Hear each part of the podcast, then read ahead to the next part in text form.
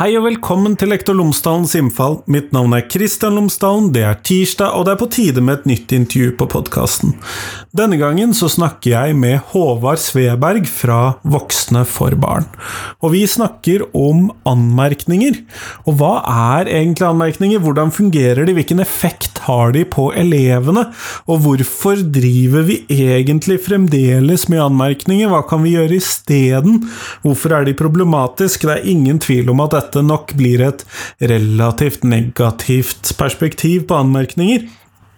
Men vel, der er nok jeg og Håvard enige, sånn at det finner man kanskje ikke her. Men hvis du har lyst til å delta i en episode hvor du forteller hvorfor anmerkninger er bra, for det kan jo selvfølgelig være at jeg og Håvard tar feil om anmerkninger, så send meg gjerne en melding, og så skal jeg få plass til det på podkasten. Så har jeg sagt det. Fordi at, eh, vel, vi må prøve å ha litt kritiske perspektiver i denne podkasten. Ellers, podkasten er som alltid sponset av Fagbokforlaget, og Fagbokforlaget utgir bøker og digitale læremidler for hele utdanningsløpet, fra barnehage til høyere utdanning og profesjonsstudier, samt norsk for minoritetsspråklige.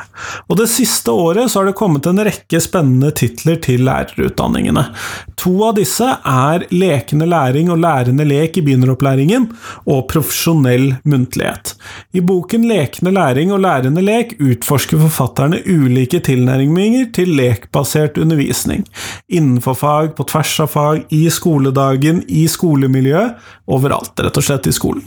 I profesjonell muntlighet så handler det om stemmebruk, retorikk, diksjon, og den er skrevet for alle som lever av å snakke så er det ikke sikkert at dette er de bøkene du er mest interessert i, men som lærer så er jeg helt sikker på at du vil finne mange nye og spennende læremidler på eh, fagbokforlaget.no hvis du går og titter ut der. Fagbokforlaget.no, altså. Men nå, nå får du Håvard Sveberg, vær så god.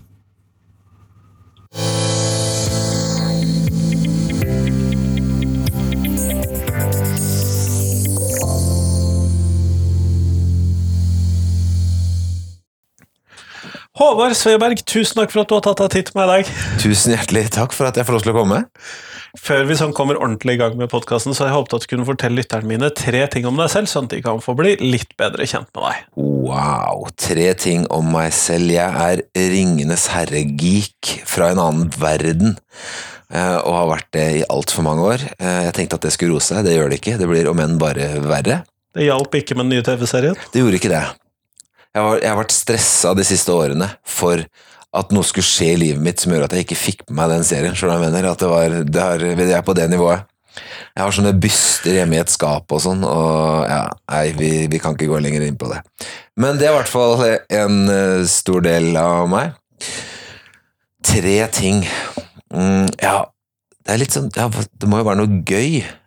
Uh, og det meste som er gøy, er kanskje på fritida. Men skal vi innom fotball, da? Kanskje vi må innom fotball litt? Da? Vi kan gå innom fotball. Ja. Jeg elsker fotball. Uh, jeg elsker å se på fotball, jeg elsker å tippe, og jeg elsker å spille fancy. Og det bruker jeg mye tid på. Og så er jeg, siden vi skal snakke om mennesker, og hvordan folk er mot andre mennesker i dag, så kanskje det er fint å si en ting om meg om at jeg er ganske idealistisk i tankegangen min rundt hvordan samfunnet er bygd opp.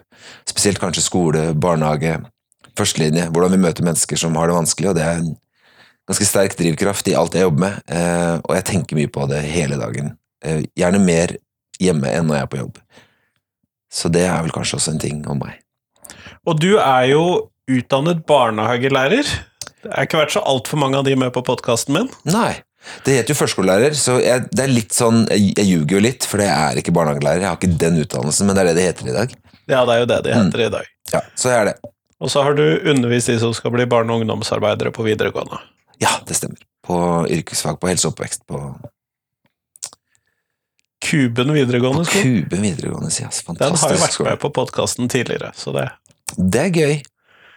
Og da er det sjølveste sjefen, eller? Sjølveste sjefen må jo det. Fantastisk. fantastisk. Men, og det vi skal snakke om i dag, det er anmerkninger. Ja. Og da må jeg nesten starte med, for det skal, er jo kanskje ikke noen tvil når vi først skal ta opp anmerkninger, hva er utfordringen eller problemet med anmerkninger slik du ser det? Slik jeg ser det, så hvis jeg skal sette litt på spissen, da, og nå snakker jeg ut fra lærerrollen, vi snakker jo masse om dette i organisasjonen, hvordan vi skal, altså i Voksne for barn, som jeg jobber nå, så snakker vi veldig mye om hvordan vi skal angripe det og løfte det opp, sånn at vi får med mange på laget. For det er jo ikke noe sånn at det er et system som er satt i gang av djevelen, men hvis man snakker pedagogisk, så syns jeg ikke det er et pedagogisk virkemiddel. Jeg opplever at det er noe som blir brukt der hvor pedagogikken ikke strekker til. Altså Man prøver å bygge relasjon, man prøver å være tålmodig, få med seg eleven, og går det ikke lenger, så ja, da kommer den anmerkningen, da. Det er, og det er liksom litt av det som jeg syns er problemet med det, at det er et system som sikkert mange kan bruke til å hjelpe elever. Hvis man er et team rundt en elev, man er interessert i å finne ut hvilke deler av skolehverdagen er det det skorter for eleven, hva er det som er vanskelig, så setter man seg ned, har et møte og ser om det er lik opplevelse for alle, snakker om hvilke tiltak man kan gjøre for å hjelpe eleven videre. Det vil jo være en god måte å forvalte det på. Men Problemet mitt med sånne systemer er at folk kan bruke det litt som de vil. Og da tror jeg det ofte blir brukt der hvor man ikke strekker til, så gir man anmerkninger på og sånn orden og oppførsel. Altså, hvem er jeg til å gi deg en merkelapp på din orden og oppførsel? Hvis, man, man det, hvis, jeg skulle gjort det med deg, eller hvis jeg hadde kommet seint nå, skulle du shama meg og gitt meg en Sjefen min kommer inn på kontoret og sjekker at pulten min er ryddig. Gjør han eller? Nei, han gjør jo ikke det. Ikke det. Ikke sant?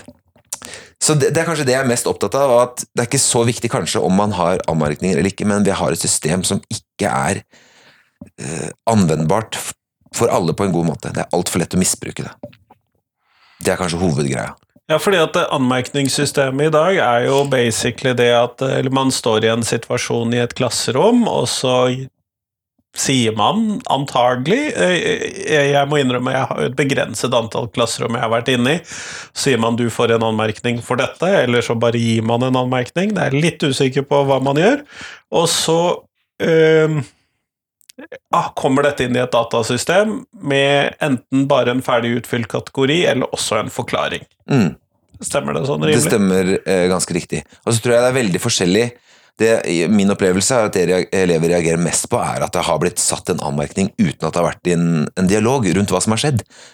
Eh, og Ofte så kan det være sånn at eleven selv ikke har forstått at den har gjort eh, noe feil, altså i gåseøyne, at den har vært i opposisjon til undervisningsopplegget eller leksen eller hva enn det skal være, og det syns jeg er jo kjempealvorlig. Altså, Da har du faktisk ikke gått og snakka med den det gjaldt om at den har gjort noe feil.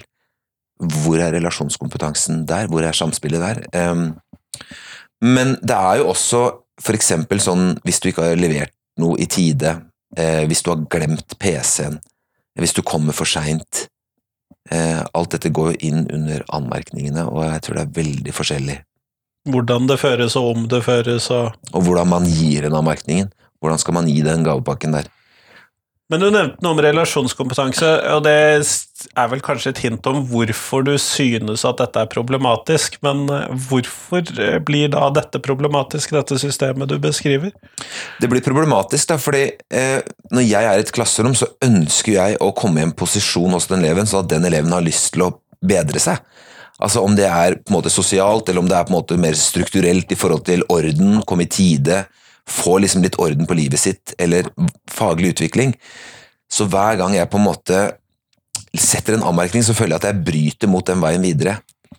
Og så har jeg også en veldig sånn idealistisk tilnærming til hvem er jeg til å fortelle deg hvordan du skal være og hvor du skal bli. Eller hvor du skal bli, er en rar setning, det er ingen som har sagt før meg i dag. Eh, men hvor du skal ende opp i livet, og, når det passer seg at du skal lære og alle sånne ting. For jeg vet veldig lite om hva som skjer på innsiden av den eleven, hvordan dagen har vært. Og min holdning da, er jo at hvis jeg bare går på dette systemet hver gang det er noe jeg ikke eh, hvordan, hvordan, altså ting, Ikke verdsetter. Ja, ja. Så, så, ødelegger jeg for den prosessen, og da tror jeg det skaper mer opposisjon. Og det er jo det jeg har sett veldig mye, at elever som blir satt mye anmerkninger på, får et ekstremt dårlig forhold til læreren. Og det blir mye konflikter. Og det er i hvert fall ikke noe indremotivert ønske fra eleven om å utvikle seg, om å delta faglig. Og det skjønner jeg. Jeg skjønner at elever har behov for å ha en høy status foran de andre elevene, og hvis læreren med anmerkninger eller kjefting eller tilsnakk setter en rød strek under den eleven, så må den eleven kjempe for å heve statusen sin, og hvordan er det man gjør det? Det er jo i opposisjon, da, det å kanskje være stikke av gårde eller gi faen i det som skal skje. Eh, og jeg verdsetter sånn oppførsel, jeg ser på det som en sunn rebelsk handling å stå opp for seg selv Selvhevdelse, noe av det vanskeligste vi kan få til her i samfunnet. Når elever gjør det, så pleier jeg å applaudere og si 'bra du sier fra'. Jeg ser at det her ikke er greit for deg. Nå har jeg bomma eller et eller annet. Jeg går i dialog. Eleven forteller hvordan det er, og så kommer vi oss videre. Det er min holdning, da. Satt på spissen. Ja. Jo, men eh, Og dette Jeg har, må innrømme jeg har ganske lite erfaringer med anmerkninger, og det er fordi at uh, vi jeg ikke har gitt veldig mye anmerkninger. Nei. Eh, Jeg deler nok en del av dine holdninger knyttet til anmerkningene, og så har jeg levd egentlig litt mitt eget liv i det i min yrkeskarriere. Og så må jeg jo si det at eh, min sånn store utfordring med anmerkningssystemet er at jeg syns det er litt tåpelig. Før jeg. og det er jo fordi at eh, Ok, vi får anmerkninger fra åttende klasse, niende klasse, tiende klasse, og så får vi det i første, andre, tredje gym. Mm. Eventuelt også på påbygg, hvis vi går der. Mm. Eh, og så får vi anmerkninger, en hel masse av de i eh, åttende klasse første semester, åttende klasse annen Og så slettes de til åttende klasse andre semester, og så slettes de til niende klasse første semester, og så eh, slettes de liksom sammen med eh, alle mulige sånne eh, varsler og alt mulig. Så bare slettes det. Mm. det. Det tas liksom ikke vare på, og så kommer du til tiende klasse, og så og så risikerer du jo da, gitt at du får mange nok av disse anmerkningene, så risikerer du jo da at du får nedsatt orden og oppførsel eh, i en eller annen variant. Ja. Eh, og så får du det da i åttende klasse og i niende klasse første, andre halvår, og så får du det ikke i tiende klasse siste halvår, og så er du good to go. ja, det Og så kommer du da, så gjør du det samme. Er det dette en oppfordring til alle elever der ute, hvis noen skulle høre på?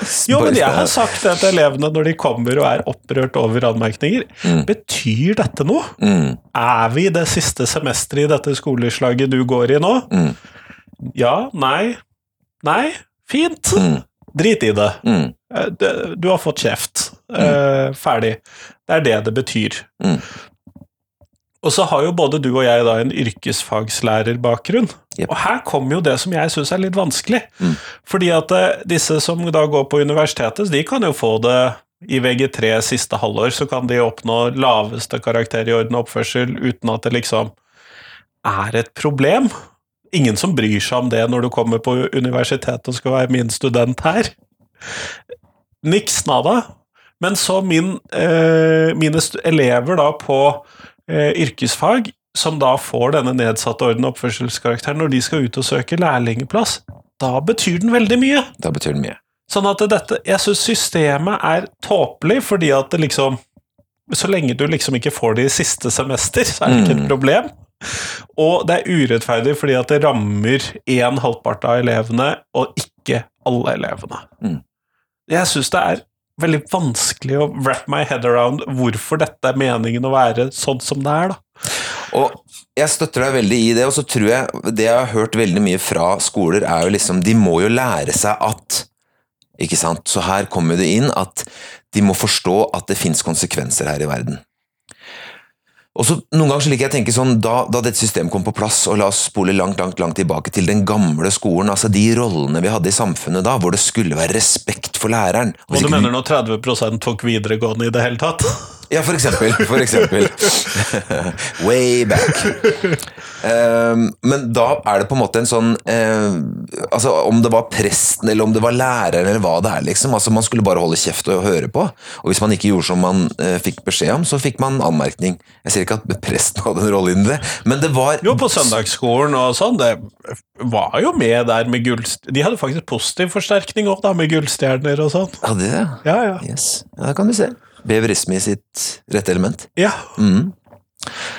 Nei, og det, det er det jeg tenker liksom at skolen jobber så intenst med å forandre seg, og, og så har man ikke gått inn og sett på noen sånne grunnleggende strukturelle greier som henger, henger igjen, og anmerkningssystemet er jo et av de systemene som jeg tenker, har vi noe annet vi kan putte inn? Altså nummer én, vi har masse, vi, altså vi vet mye om adferd, vi vet mye hva som trigger uønska atferd, i forhold til hvordan så mange barn og unge har det. Altså De rapportene som kommer fram, ikke bare i lys av pandemien, men, men før dette, det går skikkelig nedover med barn og unges psykiske helse. Og det er et system som kun forholder seg til den eh, toppen av trekanten, altså det vi ser bare, så sender vi ut et signal om at vi bryr oss ikke om hva som har vært bak. Hvilke følelser du har, og hva du går rundt med av udekka behov, som jo er drivkraften til hvordan vi ter oss hele tiden. Da viser vi jo ikke noe innsikt eller ønske om å forstå eleven, og hvordan kan vi få det med oss på læring når ikke vi sender ut et signal om at vi, skal, vi har lyst til å vite om det? Jeg, jeg er nesten sjokkert, og jeg sier ikke at vi skal bare liksom ta bort anmerkningssystemet, jeg bare savner debatten om hva det er godt for. Jeg har aldri stått i et klasserom og tenkt Bortsett fra kanskje de første to ukene hvor jeg satte et par anmerkninger og bomma og kjente at liksom, det her er feil, det her klarer jeg ikke. Men, men, siden det så har jeg aldri tenkt at dette er til hjelp for meg eller eleven, vår relasjon, den faglige utviklingen eller sosiale utviklingen vi ønsker å komme fram til. Eh, aldri. Og Så vil jeg gjerne høre hvis noen har det, og så må vi se hva kan vi ta med oss videre fra det. da. Men, men at ikke systemet snakkes om, det hører jeg ikke. Har du hørt det? Jeg, jeg, hører jo den der konflikten på enkelt eh, sånn type når man har sittet på lærepop, Eller type sånn på fellesmøte. Ja. Er vi konsekvent der? Har vi lik praksis? Eh, noen lærere fører ingen anmerkninger, noen lærere fører alle anmerkningene på denne arbeidsplassen. Den typen diskusjoner mm. har jeg vært borti, eh, men veldig få av de derre Skal vi i det hele tatt drive med dette? Mm. Den har jeg ikke vært så mye borti. Nei. Har du? Um, jeg har jo hørt det samme på uh, min skole, og uh, vi har jo snakket om at det viktigste kanskje der er at vi jobber i et team rundt eleven, som er en veldig fin tanke. Og hva enn man bestemmer seg for i de hjemme, så må alle gjøre det samme. Og det går jo på eh, mobilbruk i timen, om det er lov å spise i timen. Eh, ikke sant? Altså Alle de sånne småting. Så hvis elevene merker at det er veldig forskjellig fra lærer til lærer, så vet vi at det skal litt mer til for å jobbe oss fremover, og da setter vi enkelte lærere i en posisjon hvor de kanskje får mer hat mot seg enn andre. Fordi at de er de som da tar de upopulære valgene? For eksempel. Ja. Jeg syns jo dette her eh, Det er jo en annen debatt også, men mm. jeg syns jo det er litt sånn vanskelig, for jeg tenker jo at elevene forstår at ulike mennesker har ulike regler. Ja. Eh, det, det, er så mange skilsmissebarn blant disse elevene at det, eh, det, tror jeg de vet. Ja, det støtter jeg 100% Og selv de som ikke er skilsmissebarn, har jo foreldre som antagelig også har en hva skal vi kalle en viss diskrepans i reglene sine. Mm. Så det tror jeg at det er et mindre problem. Men det Jeg savner nok også en debatt om dette, og så virker det som at veldig mange lærere ser på dette som et et verktøy de ville hate å miste. Mm. Ja, det tror jeg. Det, det tror jeg. Og de, de lærerne som jeg tror er veldig redd for at skal dette bort, er de som er altså såkalte faglærere, som underviser f.eks. i eh, norsk i mange klasser og ikke har den samme tiden til å bygge relasjon, til å vise at jeg er interessert i hvordan det er for deg, jeg står i det sammen, vi finner en vei. Det har de ikke tid til, de har to timer i uka. De er helt avhengig av å komme gjennom de kompetansemålene som elevene har krav på. For da har du typisk sett på fellesfag på yrkesfag, da. Ikke sant. Typ der. Mens jeg har tid. For meg så funker det helt fint å bare droppe det systemet. Men så sitter vi da og, og, har møter sammen, og så finner vi ut at vi har ganske ulik praksis, på tross av at vi kanskje snakket om dette i forkant. Men, og det er der det blir problematisk, og da i hvert fall jeg opplevd veldig sterkt ønske fra fellesfaglærer om at jeg må gjøre det, ellers så får jeg ikke gjort det jeg skal. Og det vil jeg gjerne høre på, men eh, jeg savner jo liksom tankegangen om hva slags pedagogisk virkemiddel er det her for deg? Hva var det du lærte på din utdannelse som du kan lene deg her på? Hvilken læringsteori? Hva slags utviklingspsykologisk retning er det du baserer det her på? Og det er der jeg bare føler at det er bare en sånn Nei, sånn må jeg ha det. Og, og det kjøper jeg ikke. Det, ja, det, går jeg ikke med på. Det er dårlig gjort, og det er ræva utførelse av lærerrollen. Uh, og jeg synes det er en jeg synes det er, Hvis jeg har, jeg må ta et valg mellom å stå på elevens side eller en lærer med en sånn holdning, så tar jeg elevens parti 100 av 100 ganger. Men har du gjort deg noen tanker om hvordan et uh, anmerkningssystem kunne sett ut som du ville kunne verdsette eller bruke eller respektere? Jeg er litt usikker på hvilket ord jeg skal bruke. Jeg skjønner i hvert fall hva du mener. Nei, det tror jeg ikke.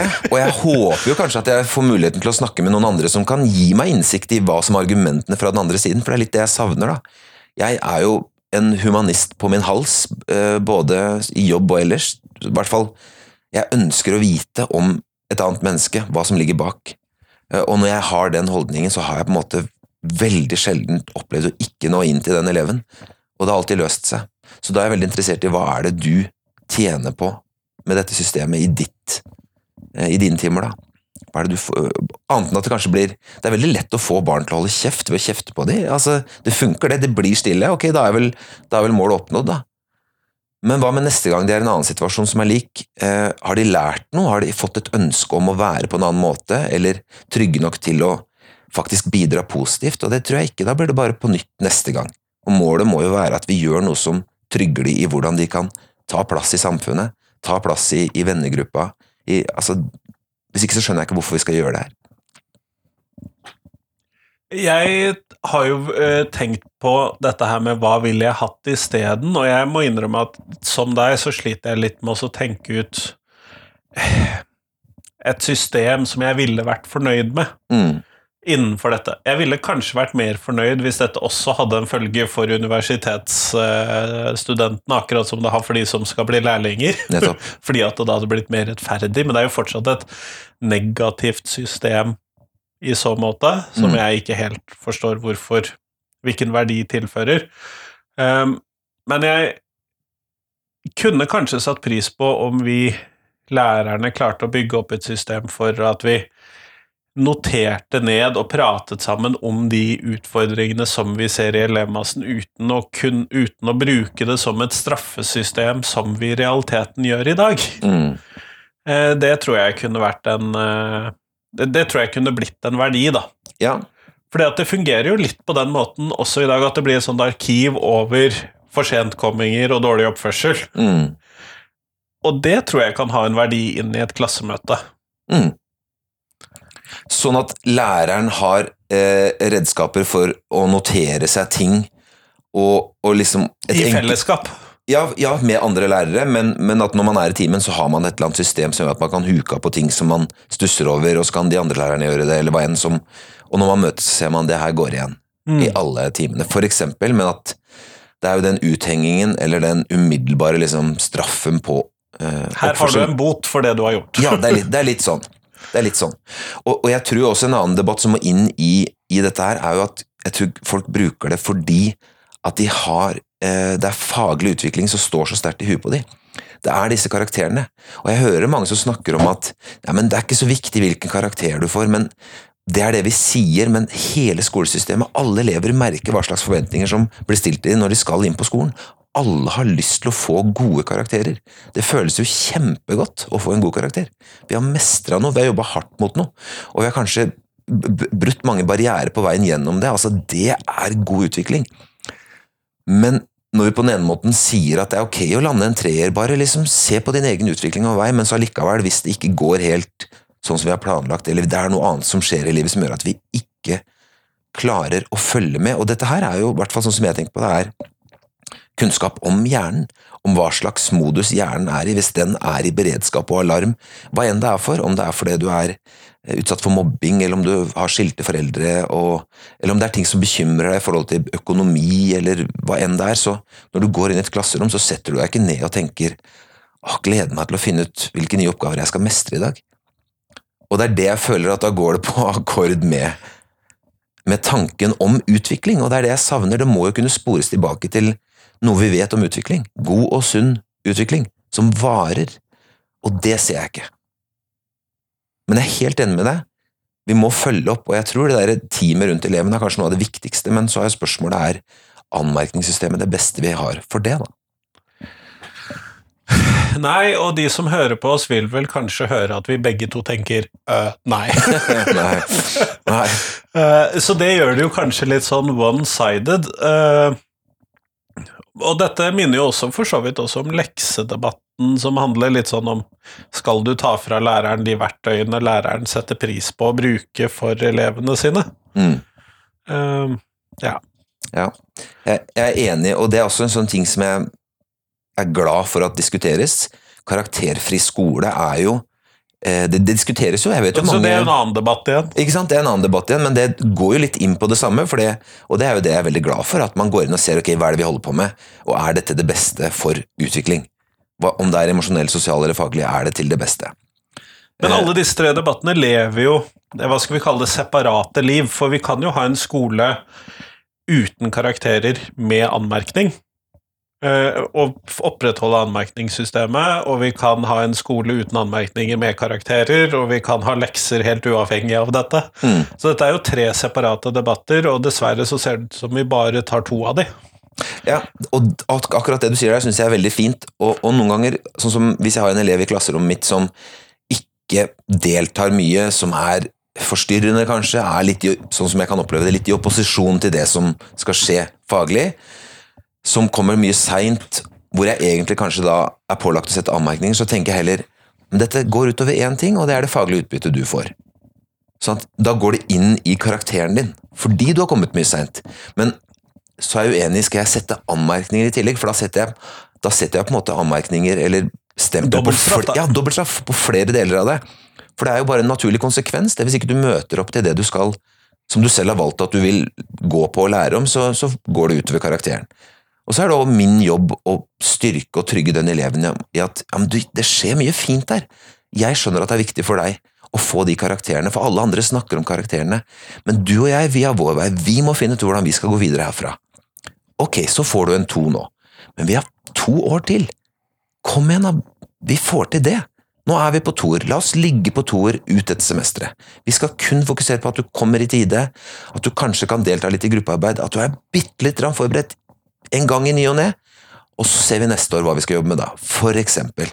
Da tror jeg en elev kan kjenne liksom at veien videre er ganske trygg, fordi jeg kan få lov å ligge på to ganske lenge. Jeg har aldri møtt en elev med, med en sånn forventning om at du skal prestere så veldig bra faglig. Men Og dette er jo en sånn litt annen ting, og dette har jo med forskjellen på yrkesfag og studiespesialiserende å gjøre. Ja. Fordi at jeg opplever at hva skal vi kalle det, korrelasjonen mellom studieklar og høye karakterer Mm. rimelig på plass. Mm. Det er litt sånn du får høye karakterer på videregående, du er sånn ish studieklar. Ja. Dårlige karakterer, du er ikke så studieklar. Dette Nei. kan være litt hardere overgang. Ja. Men når vi da ser på yrkesfag, så har jeg jo hatt øh, og kjenner til yrkesfagselever som har hatt veldig høy karakter, men som har vært, vært hva skal vi kalle det, hatt litt å gå på på det praktiske. Ja. Og jeg har hatt elever som har hatt veldig lave karakterer, eller til og med slitt med å stå, men som har vært kjempegode arbeidstakere. Det der er så glad du nevner.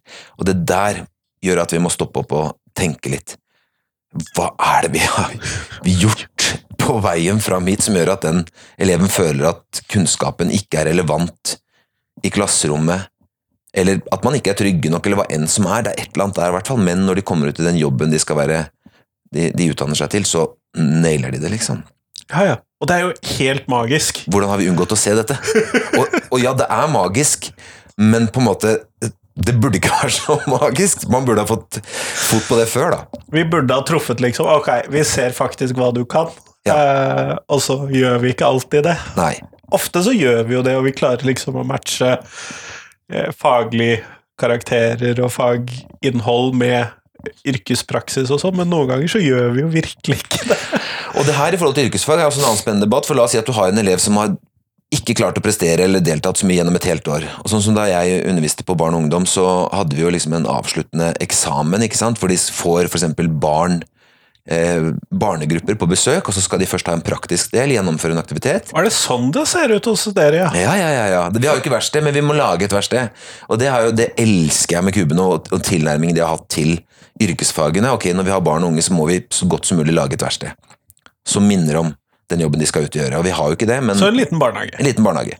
Og i etterkant av den eh, praktiske aktiviteten, liksom, så skal de inn en og en og ha en faglig samtale. Og målet er jo at eleven kan vise til eh, kompetanse innen alle eh, kompetansemålene. Så hvis de klarer det på slutten av et år, da, selv om de har vært helt bedritne resten av året, så tenker jo jeg liksom at ok, målet er jo nådd. Du har vist til sex i alle de kompetansemålene vi har trukket fram. Du har sett sammenhengen mellom det. Du eier det! Veit du hva? Sekser. Sekser over hele linja. Vær så god. Fordi du kan det du skal kunne. Og så skjønner jeg at det er kontroversielt, fordi hva med de alle, alle de andre elevene som har jobba så hardt og tatt alle oppgavene på alvor, og vist at de liksom? Det er jo hva de sitter igjen med til slutt vi skal bedømme, så Ja, det er det, men så er det også? Det sender ut et signal både til de andre lærerne, og vi må bli enige om dette, det sender ut signal til de andre elevene, hvor enkelte da For la oss si at du tenker at jeg kan jeg, jeg nailer det, jeg vet at jeg klarer den siste avslutningen, så jeg kan ta det rolig. Men det er i hvert fall noe å diskutere det òg. Er, er det riktig Ja, en sekser? men, og der har vi jo heldigvis, eller uheldigvis, satt standpunktkarakterene før de går til denne tverrfaglige eksamen, sånn at det løser jo litt av problemstillingen. Det er sant. Eh, og målet mitt er jo alltid at de skal slå meg. Eh, i, altså, de har fått en karakter. Mm. Hvis de gjør det bedre enn det, det er jo glimrende. Mm. Eh, de har kanskje ikke vist alt de kan i løpet av året, Mm. men de får i hvert fall vist det og tredd det nedover huet på meg at eh, dette kunne jeg faktisk. Ja. Og det jeg glemte å si i forbindelse med det, at vi, har, da vi, vi hadde noe som het prøveeksamen. Og det Ja. elsker jeg at vi hadde. Og det er så gøy. Det er så gøy, og det er så genialt! Fordi jeg føler lærerrollen veldig ofte eh, Altså den er bygd opp rundt sånn Jeg skal hinte til hva du skal kunne, og så skal du rekke opp hånda, og så skal du si det jeg hinter til, og så skjønner jeg at du kan det, du. Men hvorfor kan vi ikke øve på det? Hvorfor kan vi ikke øve på spørsmålene og svarene? Og det elska jeg med skolen, at vi hadde prøveeksamener, og da hadde vi jo den siste rundt påske. Det Før høres veldig likt ut som hva jeg har vært vant til. ikke sant? Og da, la oss si, hvis de da, da, en måned eller seks uker før de skal sette standpunkt, viser til seks, Så skal de få sex. så tenker jeg nå har du vist til den kompetansen du skal vise til, med høy grad av refleksjon, eh, og da fortjener du jo den sekseren, da. Men det er også, som vi diskuterte innad i teamet, liksom, eh, vi vil jo ikke at de skal slappe av de siste seks ukene, så vi må kanskje sette karakteren litt lavere, sånn at de skal jobbe ekstra hardt. Sånne debatter syns jeg er vanskelig å være med på, for det er veldig tydelig, som du sier òg. De skal bare vise til kompetansen. Hvordan det har skjedd, er vel egentlig litt helt fett. Ja, og så er det jo dette Det er jo litt det hvis du da setter karakteren 6 da på den prøveeksamen. Og dette, viser jo, dette vi nå diskuterer, viser jo problemet med det karaktersystemet. Mm, ja. Eh, Så må de jo faktisk da opprettholde den karakteren og bevise for seg sjøl at du kan overbevise en fremmed person Mm. om det samme. Ja. Ikke bare jeg som kjenner deg, liker deg og vet alle sidene ved deg. Mm, Eller så mange som vi klarer å skrape sammen i løpet av to år. Ja. Ehm, sånn at ehm, Jeg tenker jo det at hvis man først får den sekseren eller femmeren eller den strålende fireren når du har ligget på to hele året mm, eh, til prøveeksamen, så krever det jo litt å komme seg gjennom til å så opprettholde det, eller til og med forbedre det, Mm. på neste. Ja. Du kan ikke bare la hatt av deg, da. Nei, og det er også sånn som vi har vært opp, bevisst på i, i det, det å øve på eksamener, at jeg og eleven skal øve på å ha fagprat sammen, ikke sant? Og det er jeg som sitter og er eh, hva kall, husk, ja, eksamina- Fagperson. Ja, eksaminator. Ja. Og så sitter det en sensor der, og sensor skal bare sitte der og prøve å se så lite streng ut som mulig. Eh, og, og ta vurderingen til slutt sammen med meg, men, men det tror jeg hjelper, da, at man har øvd på den fagpraten såpass mye, for det, det jeg har merka, hvor satt ut elever blir av den fagpraten. Selv de elevene som føler seg ganske klare til å snakke om faget, de mister det. Altså, det er så mye Det, krever, det er jo en sjanger, det er jo akkurat som vi øver på å skrive artikler, eller vi øver på Nettopp. journaler, eller hva vi nå øver på. Ja. Men kunne vi ha overført noe her til anmerkningene? Fordi at eh, Ja, det tenker jeg. Disse samtalene her, denne øvingen her Her må det jo ligge noe som kunne vært forbedringer for et eh, anmerkningssystem. Mm. Så jeg er litt usikker på hva vi skulle tatt med oss, men kanskje det er disse samtalene, da. Kanskje det er disse samtalene, og jeg tror jo det som hindrer disse samtalene i størst grad, er jo at det er så mye vi skal gjennom, og det er så mange kompetansemål vi er pålagt at alle elevene skal bli vurdert i ikke sant? hele tiden. Vi har et sånn jag på toppen, og det er så detaljstyrt at det nesten er fremmed fra yrket. For eksempel når jeg leser sånne lubber fra utdannelsen og sånn, så bare Jeg skjønner ikke hvilket yrke dere snakker om engang, liksom. Altså, Og en er, lubb er jo da en læringsutbyttebeskrivelse for de av dere som ikke er altfor mye i høyere utdanning. Lubber, ass. Ja. Men det er liksom sånn Når det er så fjernt fra den jobben, den praktiske eh, jobben det, som skal utføres, så syns jeg det er noe som er litt feil. Og det, jeg tror vi kan trekke det samme inn med kompetansemålene. At det er så mange som er like, eh, som går egentlig hånd i hånd. Og jeg som lærer tenkte veldig ofte at jeg skal velge ut det jeg tenker er kjernekompetansen her. ikke sant? Og det kunne være kanskje seks kompetansemål i hvert fag. Nå er jo yrkesfaget delt inn i gjerne tre eller fire deler. Men det er klart at vi kan tenke likt på det å være i klasserom, og jeg tror jo vi ofte tenker at elever vet hva de holder på med, når de på en måte ikke klarer å prestere. Så vi tenker at ved å gi en anmerkning så sier vi stopp, hit og ikke lenger, det her går ikke. Men så har kanskje ikke elevene fått noe særlig informasjon om hva som har drevet de til det. Og det er her liksom min store kamp er, at vi må hjelpe de til å forstå hva som har ført til dette her. Og det er jo her jeg kjemper i hvert fall for liksom, at vi kan få en kontakt med de følelsene som ligger bak, og hva, de, hva det er de går og kjenner på og strever med som gjør at de må handle såpass utenfor de sosiale normene i et klasserom, eh, eller prestere såpass dårlig faglig. Eh, og, og, det tenker jeg er som, som øving, da, som vi snakka om med prøveeksamen. Kanskje det er disse samtalene, kanskje det burde vært satt av mye mer tid til lærerrollen, med helt konkret relasjonskompetanse, hvor man skal sitte og snakke om disse tingene, og tørre å gå inn i hva det er som gjør at det ikke er som det kanskje burde være. Da snakker vi om en ganske radikal endring av kontaktlærerrollen. Da. Det gjør vi. Og, og vi... økning i ressurs. ja, og, eller, eller, at man ser litt på hvor overveldende det, man er liksom Man får tredd kompetansemål over huet og alt man skal gjøre. Og det tror jeg Noe av det jeg gjorde mest, var at jeg satte meg ned og se hva er det jeg skal bry meg om her som er viktig, og hva er det jeg fullstendig skal drite i. For jeg må nå inn til de elevene her. Jeg klarer ikke å avslutte skoleåret her og har gjort noe som går imot magefølelsen min, basert på det jeg har studert og lært. Ikke som en random ting som jeg bare mener. Altså, jeg kan noe om det, jeg har lært noe om det, og jeg vet at det er riktig. Og hvis jeg merker at det som jeg er pålagt i lærerrollen, hvis det bryter med det, så da gjør jeg det ikke. Og så får det heller bare være upopulært, da. Altså, jeg fokuserer på samarbeidet med skole og ledelse og kolleger, altså, det er ikke det, liksom, men til syvende og sist, da, hvis jeg skal ta et parti, så tar jeg elevens parti. Jo, jo, og, det, og, der er jo spørsmålet hvem er det vi har lojalitet til i dette, og hvem er det vi har fått beskjed om gjennom grunnlagsdokumentene, hvem er det vi skal, eller hvilke verdier er det som skal, dette her skal basere seg på, osv. Mm. Uh, og jeg tror nok som deg at uh, det står eleven i de papirene. ja, jeg tror det. Jeg tror det gjør det, altså. Og det, og det er kanskje den debatten her om, om at det gamle systemet, som for eksempel lekser, og anmerkninger at eh, Og sånn som den fine artikkelen du skrev i Utdanningsnytt, at vi må klare å åpne opp og se eh, flere ting som skjer i skolen nå, med ufrivillig skolefravær, utagering, vold i skolen, og vi ser på det som del av det samme problemet. Og det problemet mener jeg i hvert fall er systemet, som vi ikke har nok gode argumenter for hvorfor vi skal fortsette med. Og ikke bare det, men barn og unge har forandra seg, behovene er annerledes enn før. Og hvis skolen ikke klarer å tilpasse seg til å dekke behovene til dagens barn og unge, da vil de jo ikke se en sammenheng med den, det utbyttet de skal ha av skolen, ikke sant? Og da kommer det opposisjon, da kommer det utagering, da kommer det skolefravær. For det er ikke relevans i det som oppstår der. Jeg tror jo kanskje, og jeg er jo grunnleggende ganske enig i de tingene du sier, men jeg tror kanskje ikke barn og unges behov har forandret seg så mye. Okay. Jeg tror bare vi har oppdaget det. jo, men, men, det er jo sånn når eh, Fysisk helse tidlig inn i skolen, kroppsøving, har lenge vært en sånn 'vi skal bygge fysisk helse for resten av livet'-fag. Ja.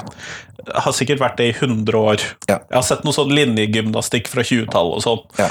Vi skal bygge sterke kropper og fine unge menn og sånn. Ja, Flott. ja. Eh, og så kommer vi da på sånn slutten av 70-tallet, begynnelsen av 80-tallet, og så begynner vi å få inn Oi, pakker. Eh, vi har en utfordring knyttet til psykisk uhelse. Ja. Psykisk helse må inn i skolen. Og så begynner vi å innse at dette kommer inn, og vi har det som faginnhold, og så kommer det som folkehelse og livsmestring som tema, og så er det liksom der, og så driver det og så vaker hun. Så jeg tror kanskje egentlig at vi har oppdaget at elevene har behov for noe som er noe annet enn det rent faglige, og at vi prøver å ta det inn over oss. Jeg tror kanskje det er det som er problemet. Og det er jeg kanskje enig med deg i, og, det leste jeg et, et eh, innlegg fra en, en, psykolog som skrev liksom at eh, barn Før så sammenligna barn seg med klassekamerater. Altså Det var press, det er jo alltid pressforventninger fra, det må vi bare forholde oss til. Det er, det er ikke det at vi ikke, ikke skal ha det. Det er ikke noe nytt, det. Men det som er nå, er at det er press og forventninger fra hele verden. Før så sammenligna man seg med den kuleste gutten i klassen eller den peneste jenta, eller noe sånt, men nå er det jo toppmodeller som har tukla med utseendet fra de var tolv år man sammenligner seg med, liksom. Og som kjører bildene gjennom et filter etterpå. Ikke sant? Så hva slags verden er det vi lever i i forhold til det? Og da vil jo, som du sier, den psykiske helsa bli satt på ekstra prøve, da vil, hvis det er det man opplever at det er der du skal høre til, det er det du skal ha for å Så en forsterkning av tidligere behov, da. Ja, for eksempel. Da er jeg enig, vet du. Jeg var enig i det du sa, altså, men, men ja, det, jeg tror det er noe med å forstå hva det er. Og, og kanskje, det er, kanskje vinklingen er bedre med at eh, vi har oppdaget det mer nå i lys av hvordan samfunnet har endret seg, da. Og så er det jo dette med skolefravær, så er jo det for så vidt interessant, men samtidig så må vi også huske på at eh, tidligere, og da type før Reformen 94, så gikk jo bare eller og før det, bare 30% av befolkningen gikk på videregående skole. Når vi går 50 år tilbake. Før Reform 94? Ja, Om det var så lenge, men i hvert fall på 70-tallet så var det Ja. 34-ish prosent. Det er den samme prosentandelen som går på universitetet i dag. Ja. Sånn at, eh, Men nå går alle på videregående. Ja. Før så måtte du jo ikke det. Nå må du jo i realiteten gå på videregående. Mm. Og da blir skolefravær mye mer synlig, for før så bare droppet du ut, og så begynte du å jobbe et eller annet sted, eller noe. Mm. Det fantes noe annet, muligheter. Ja. Så jeg tror jo at eh, disse endringene også er med på å synliggjøre skolefravær og frafall da, i større grad. Ja, og det hører jeg også når elevene snakker om sin egen fremtid, hvor tidlig de har bestemt seg for hva de skal bli, ikke sant. Og det tror jeg også dreier seg om at det er det vi som har lagt en føring, altså alle vi voksne rundt barna. alle skal bli barna. advokater, leger og ingeniører. Ja, og de vet når de skal gjøre det, og hvor, hvor, hvilket studie de skal ha, og hvilke karakterer de trenger. Altså, de har planen lagt klart i veldig ung alder, da. Og man ser jo også det at man starter liksom høyere utdanning mye tidligere. Altså, jeg begynte å studere da jeg var 25. Altså, jeg loka en del år og jobba og, og prøvde å finne ut av ting, liksom. Men nå begynner de jo på høyere utdanning rett etter videregående mange. Ja, det gjorde nok mange når du var ferdig. Okay, kanskje jeg, jeg fikk ikke med meg så mye av verden i de åra, jeg, så det kan hende at jeg, at jeg gikk litt glipp av det. Jeg satt og så på Ringenes herre, så det var liksom ikke så mye annet som skjedde. Nei, men dette er Og jeg, som deg så savner jeg nok debatten om anmerkninger. Uh, I dette, og denne relasjonsfokuset som vi kanskje heller burde ha. Uh, det føler jeg kanskje litt mer til stede i debatten, da. Mm. Men jeg vet ikke. Nei, og så støtter jeg, som du sier, at, at uh, Altså, jeg vet at det er mange skoler som eksempel nå begynner med å prøve ut eksempel en karakterfri skole, som ikke betyr en karakterfri skole, men det betyr at man ikke setter karakterer underveis i semesteret, men at man må ha Tilbakemeldinger og sånn, og så får Ja. de på slutten av semesteret. Ja. Eh, som også liksom Det går an å kritisere det også, fordi vi skal, vi skal ikke ha karakterer, men vi skal ha det. Det er bare at vi venter litt med det. Men da har man i hvert fall litt tid da, til å eh, være nysgjerrig og eh, prøve å finne ut av ting uten at man får så tidlige karakterer at det preger forholdet ditt til din egen utvikling og der du står. at du Hvis du føler at du egentlig jobber ganske ok med noe, så får du en treer. Eh, Så kan det jo skje noe med motivasjonen der allerede. Selv om læreren din sier at nå er du på god vei, så føler du at ja, men tre er jo ikke bra. Så, øh, mens hvis man ikke hadde den karakteren, så kan jo læreren gå inn og se hva det er jeg trenger å Dytte litt på. Ja, det jeg trenger å dytte litt på deg, uten å måtte forholde seg til karakteren. Bare, det, er, altså, det er fantastisk, det som skjer. Altså, skjønner du hva jeg mener? Det er en helt annen prosess. Og så er det dette med lekser, som jo eh, det snakkes om, og det jeg hører mest fra for eksempel foreldre, er jo at det er en fin måte å få innblikk, innblikk i det som eleven, eh, eller barnet sitt, da, som det heter når du er forelder, eh, gjør på skolen. Eh, Og det kan jeg jo eh, forstå, at det er fint, men samtidig, hvis det er den ene lille tingen som gjør at vi skal tviholde på det systemet, så tenker jeg at da er det verdt å bare droppe det. Du kan jo få et nyhetsbrev av læreren om hva man jobber med istedenfor den lekseplanen som Vi lages. får ukebrev og informasjon. Om vi leser det eller ikke, det får opp til oss selv, men, men den informasjonen har vi jo. Eh, og så er det jo tanken om hvor drøyt mye du skal prestere hele tiden. Altså hvor mange timer man er på skolen, og når man kommer hjem. Hva skjedde med å kunne slappe av, kjenne på hvilke behov man har, ta valg ut ifra sånn som man har det. Eh, altså, man rekker jo ikke det heller. Det er altså et, for meg i hvert fall, et voldsomt system eh, som jeg syns er overveldende press på barn og unge. Og jeg, Og de fleste av oss velger jo yrker hvor de kan legge vekk jobben når de kommer hjem. Ja. De aller fleste yrker er jo det. Ja. Læreryrket kanskje ikke. En Nei. del ledelsesstillinger definitivt ikke. mm, Men jeg tror de fleste jobber ute i samfunnet. Da er du ferdig klokka fire, og så legger du bort jobben. og det føles jo godt. Ja, vil jeg tro. Jeg har aldri Du opplevd vet ikke det. det. Det har jeg merka i løpet av disse to dagene, og det gjør ikke du. Men uh, det er nå deg. Har jo vært der lærer. Men eh, vi går mot slutten, uh, Her, og da Mm. tenker jeg at jeg må stille deg dette faste spørsmålet mitt som jeg stiller til alle. Er det en lærer som har gjort eh, Hvilken lærer har gjort størst inntrykk på deg, og hvorfor det? Eh, det er eh, det, det tror jeg faktisk må være Da jeg gikk på musikk, dans, drama, så hadde jeg gitarbesifring. Altså, da hadde jeg en, en lærer jeg hadde 45 minutter i uka, og han het Arvid Lien. Og jeg var ikke sånn strålende på gitar. Eh, Jeg hadde det samme type undervisning med piano, men de hadde en helt annen tilnærming. Jeg elska de lærerne, de også, men der jobba jeg ikke, og jeg følte ikke at jeg presterte. Men da jeg gikk inn i gitartimen med Arvid eh, Lien, han møtte meg med så mye engasjement, og hver gang vi satt og spilte, så, så, så bare satt han og bare poengterte alle småting, med en sånn emosjonell tilnærming til det som gjorde at jeg bare Og med alle småting så mener du dette var bra, dette må Kun du kunne bedre Og jeg gjorde, jeg øvde ikke, jeg gjorde ikke lekser. Men hva var det som skjedde med meg etter, den, etter den timen? Det var at jeg følte at jeg hadde noen som trodde på meg, som jeg hadde lyst til å overraske enda mer. Som jeg hadde lyst skulle, ikke sant, skjønner du hva jeg mener? Da har man en relasjon. Og da begynte jeg å øve. Jeg fikk lyst. Jeg gjorde ikke det med de andre tingene. Jeg følte meg ikke så god der. Og han, han var så til stede, og, og jeg, jeg elska de timene. Og det her var 45 minutter i uka, liksom. Det blir Eh, småfag når du skal ha flere instrumenter. ja, det gjør det. Men der fikk jeg jo på en måte toppkarakter. Og, og, og jeg vet ikke om jeg var toppkarakter eller der, men følelsen av å kunne gå til den timen, hvor mye jeg gleda meg til det, og hvor mye jeg elska den type responsen, og hvor mye det motiverte meg videre, det tror jeg må være Så det, jeg tror jeg må si det, ass. Kjempeflott. Tusen takk for at du tok deg tid til meg i dag. Takk for at jeg fikk komme.